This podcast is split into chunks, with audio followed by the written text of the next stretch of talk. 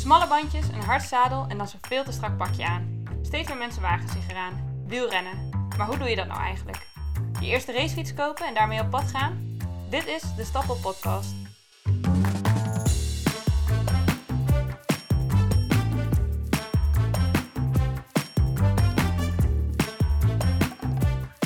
Een podcast voor mensen die willen gaan fietsen of net zijn gaan fietsen, net als ik. Mijn naam is Fleur van Dijk en ik fiets nog maar net. Tegenover mij zit Marijn de Vries, oud profielrenster en zij fietst al 15 jaar.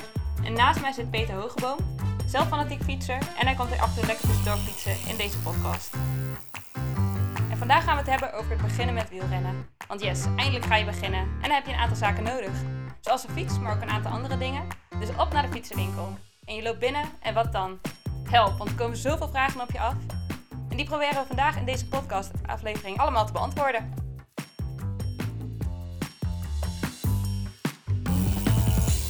Ik kan me heel goed herinneren, natuurlijk van een paar maanden terug, dat ik eh, van nood maar de fietsenwinkel ben binnengestapt.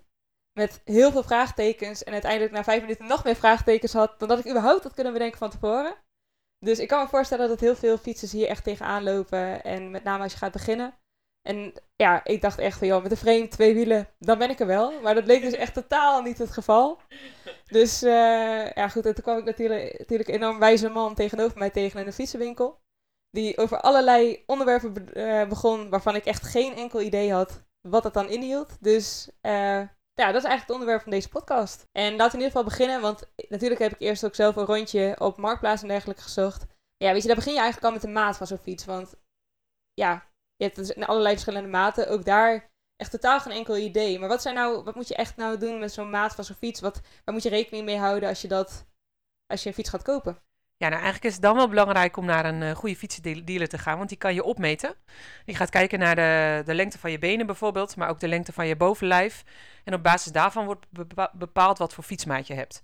Um, een, goede fietsmaat is belangrijk omdat je er dan uh, lekker op zit. Als je niet lekker op je fiets zit, dan uh, fiets je ook niet lekker. Ja, dan is het plezier ook snel voorbij. Je kan ook zelf je fietsmaat bepalen. Dan ga je je binnenbeen, binnenbeenlengte ga je, meten. Um, dat, ik vind het zelf eigenlijk niet zo'n goede methode. Want zeker als je net gaat fietsen, ik denk dat het goed is als iemand gewoon even naar je lichaam kijkt. Ik wil zeggen, want volgens mij is ja, ieder lichaamshouding is natuurlijk weer anders. Um, dus ja, zodoende kan ik ook echt wel voorstellen dat het heel erg uitmaakt inderdaad of je alleen je binnenbeen meet of ook je bovenlichaam en hoe, hoe je dan precies op de fiets zit. Nu had ik echt het geluk dat ik enorm goede hulp had daarbij en dat ik ook echt op de fiets heb gezeten. Uh, ook al fietsend, dat heb, ja, de fiets heb aan laten meten eigenlijk. Um, dus, maar goed, dat was ook meer geluk dan wijsheid, want ik vroeg er niet om, maar die man die vertelde me dat ik dat echt nodig had, gelukkig. Um, maar volgens mij zijn er nog meer manieren, of, niet? Ja, nou ik ben het helemaal met deze man eens. Want wat hij met jou heeft gedaan is een, uh, dat noemen ze een dynamische fietsmeting. Dus dan ga je inderdaad op een fiets en dan gaan ze kijken hoe jij eigenlijk beweegt. Uh, en op basis daarvan kunnen ze goed kijken of het zadel hoog genoeg staat, of dat het stuur ver genoeg weg staat, of dat het misschien nog wat dichterbij moet. Uh, en dat kan je natuurlijk het best zien als iemand aan het fietsen is. Je hebt ook een statische fietsmeting. Dan wordt inderdaad gemeten hoe lang je benen zijn. Er wordt gemeten hoe lang je bovenlichaam is, um, hoe ver je kunt reiken met je armen. Maar uiteindelijk ga je bewegen op die fiets. Um, dus zo'n dynamische fietsmeting, uh, vaak betaal je daar extra voor, ongeveer 150, 200 euro. Uh, die zou ik eigenlijk altijd aanraden. Dat is misschien nog belangrijker om geld uit te geven dan uh, uiteindelijk aan je fiets. Want dan zit je er het, het lekkerst op. Um, maar om te beginnen is zo'n statische fietsmeting om te bepalen wat voor maat je nodig hebt, is eigenlijk ook wel genoeg. Ja, en ik kan me nog herinneren dat de fietsenmaker zei, nou ga daar maar staan. En toen trok hij ineens zo'n stang tussen mijn benen omhoog. Ja, en op basis daarvan werd dan bepaald hoe hoog het zadel moet staan. Ja, dat is wel uh, een mooie, mooie anekdote weer. Zo'n uh, stang tussen je benen. hey, en um, ja, ik liep daar dus ook rond. Eventjes, ik moest even wachten voordat iemand mij kon helpen in de fietsenwinkel. En ik liep daar dus eventjes rond. En ik keek daar naar de prijzen. En ik liep van, zeg maar, een leuke fiets naar de volgende leuke fiets. Die in één keer drie keer zo duur was. Niet wetende en niet realiserende dat er natuurlijk verschillende materialen zijn. En je, hebt, je hebt natuurlijk echt superveel informatie over carbonframes. Dat is echt het volgens mij op dit moment. Uh, maar goed, ik heb zelf een aluminium fiets en daar ben ik ook heel blij mee. Maar wat is daar nou handig in om te doen? Ja, nou, je hebt uh, nog veel meer materialen dan alleen carbon of aluminium. Je hebt bijvoorbeeld ook titanium. Je hebt inmiddels ook weer fietsen van staal. Maar gangbaar zijn inderdaad fietsen van aluminium of van carbon. En carbon, dat komt er steeds meer. Carbon staat heel erg bekend om zijn stijfheid. Dus dat betekent dat als je gaat fietsen, dat als je trapt, dat je eigenlijk meteen gang kunt maken. Uh, en aluminium, dat is wat buigzamer. Dat betekent dus ook dat als je gaat fietsen en je trapt, dat je iets langzamer op gang komt. Aluminium is daartegenover wel comfortabeler. Uh, en het is iets goedkoper. Hoewel je tegenwoordig ook wel heel veel overlap krijgt in, uh, in carbon en aluminium in hoe het zich gedraagt. Um, maar vaak mensen die beginnen met fietsen, die kopen een fiets van uh, aluminium, soms met een carbon voorvork uh, en soms ook al van carbon. Maar ja, jouw fiets van aluminium is echt prima. En je ziet dan vaak ook aan de prijs, die is wat lager. Carbonfietsen die kun je echt tot 14.000, 15.000 euro krijgen. Aluminiumfietsen of, of een beginnersfiets van carbon, dan ben je eigenlijk zo rond de 1000 euro wel klaar. Ja. ja, precies. Dat maakt toch wel een heel groot verschil. En heeft het niet ook te maken met het gewicht? Dat dacht ik namelijk altijd, dus ik hoor nu echt allemaal nieuwe informatie.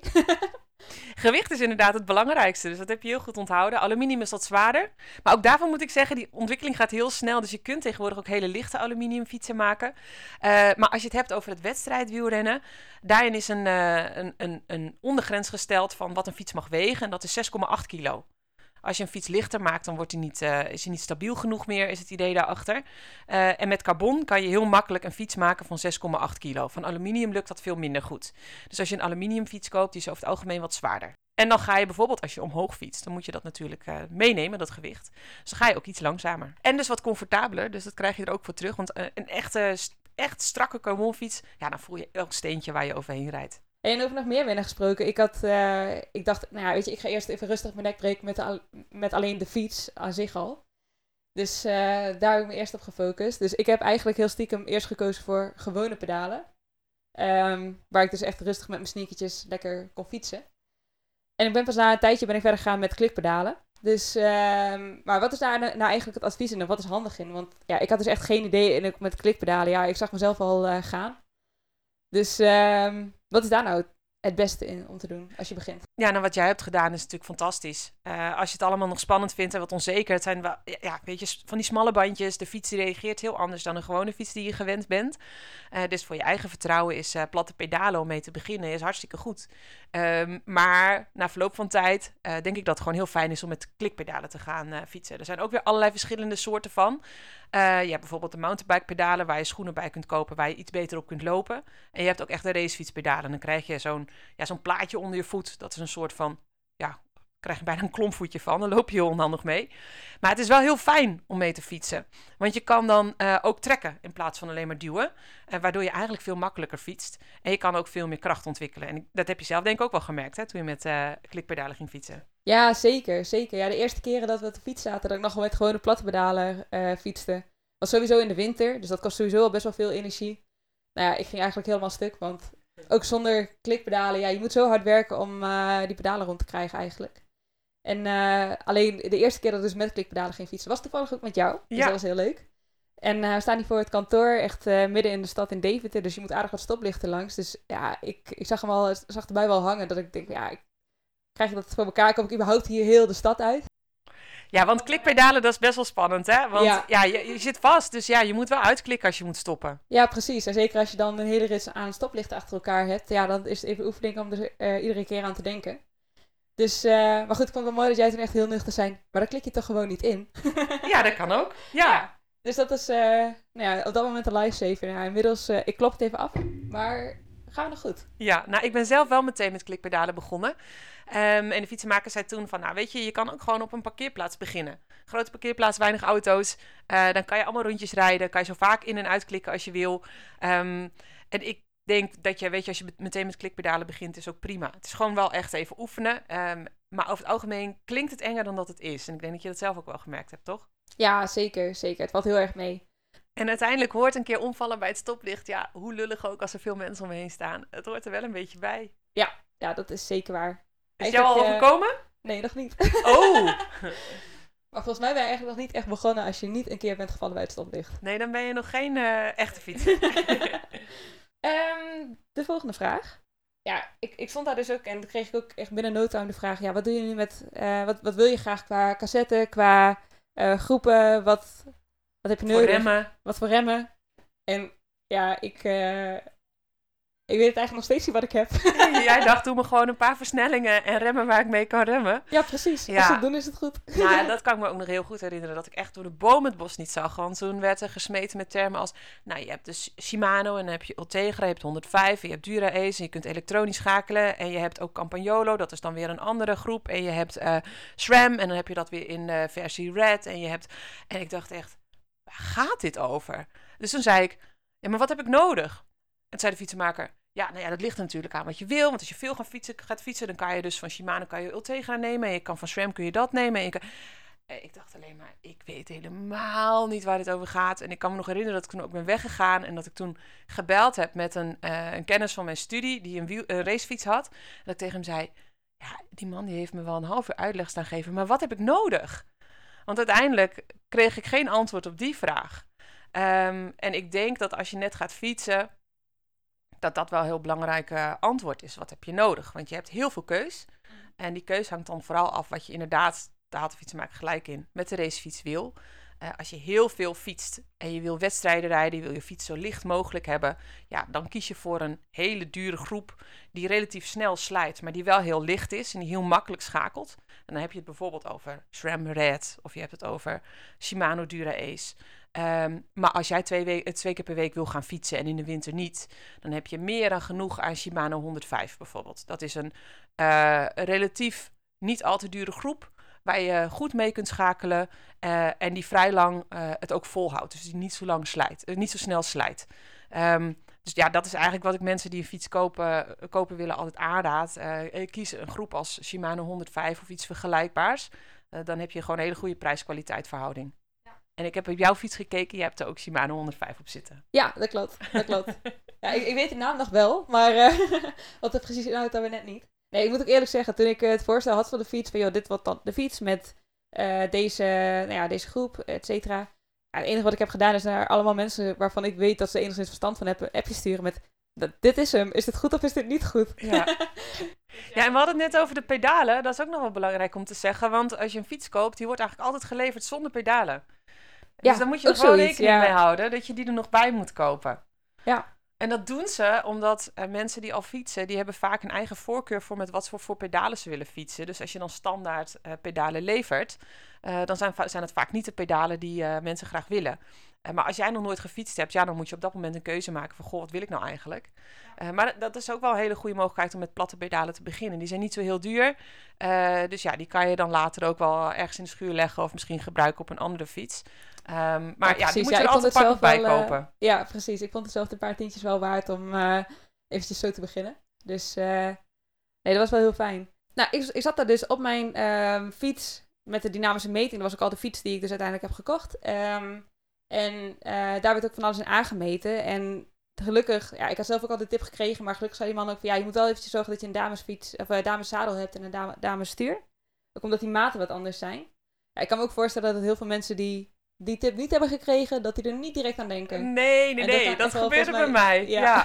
Ja. ik kocht mijn eerste fiets zoals die eigenlijk op dat moment eh, in de winkel stond. En ik denk ook dat 15 jaar geleden de aandacht voor eh dameszadels en damessturen eh, nog niet zo heel groot was.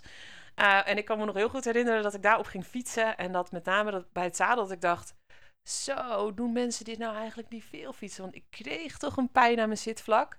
Eh, en toen op een gegeven moment weet ik nog heel goed dat ik een interview met Leontien van Moorsel las. En eh, die had het over eh, dat haar onderkanten na haar werelduurrecordpoging uitzag als rosbief. Vond ik een vrij eh, nou, plastische vergelijking.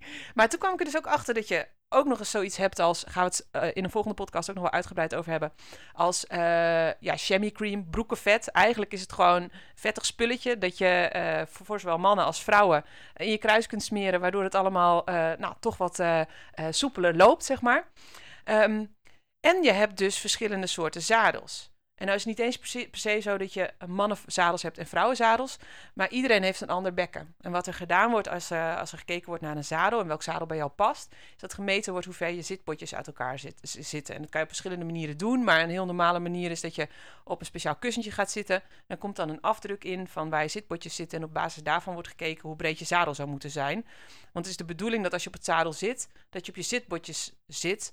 Eh, en dat je daarmee ook, nou ja, het zachte wat ertussen zit, uh, dat is voor mannen en vrouwen natuurlijk verschillend, maar het is wel allebei zacht en heel gevoelig, dat je dat ontlast en dat je daar dus geen last van krijgt tijdens het fietsen. En voor een stuur geldt eigenlijk hetzelfde. Je hebt ook niet per se mannen en vrouwen sturen. Maar een goed stuur moet net zo breed zijn als je schouders. Dus uh, als je de breedte van je schouders meet, dan weet je hoe breed je stuur moet zijn. Voor mannen is dat vaak ongeveer 42 centimeter. Voor vrouwen is dat eerder 40 of 38 centimeter. Mijn standaardfiets had toen een stuur volgens mij van 2 of zelfs 44 centimeter. Dus ik zat er eerst een soort van giraf die aan het drinken was op. Um, maar ja, als je dat gewoon beter uh, meteen laat aanmeten, dan fiets je ook meteen veel prettiger. Ja, precies. ik moet eerlijk zeggen, ik vond nu al het af en toe best een pijnlijke aangelegenheid. In het begin is het toch eventjes wennen. Misschien ja. ben ik heel kleinzerig, maar Helemaal niet. het is eventjes wennen. Ja, even doorzetten, want even die zitbotjes, al zit je er goed op, die worden in het begin ook een beetje beurs. Ja. En je moet toch gewoon uh, ja, wat oefening kweken. Ja, precies. Dus uh, weet je, dat is al wel heel verschil. Ik kan me niet voorstellen als je dan geen pas een zadel hebt, hoe dat moet voelen. Dus... Dus echt absoluut wel een waardevolle tip om wat mee te doen.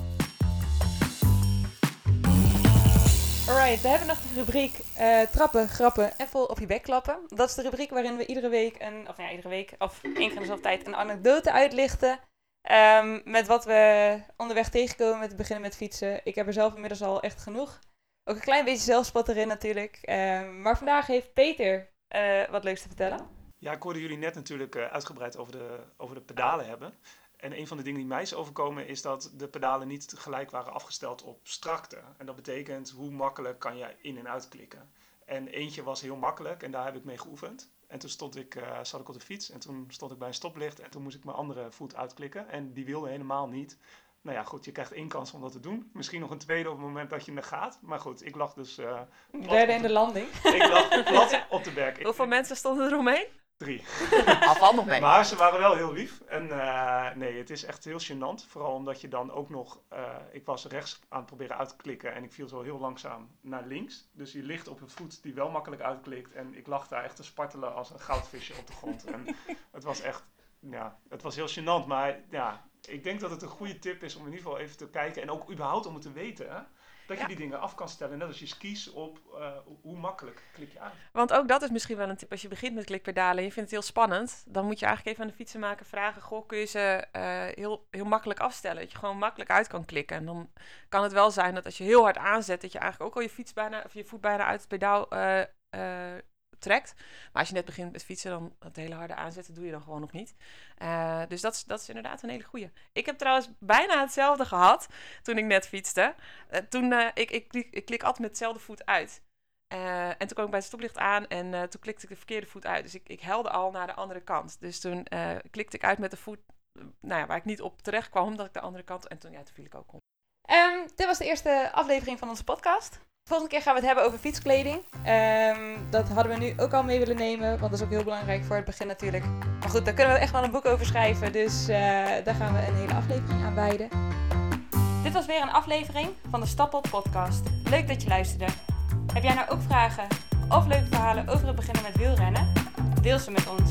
Onze contactgegevens vind je in de show notes. Vergeet je ook niet te abonneren op deze podcast, zodat je geen enkele aflevering mist. Tot snel!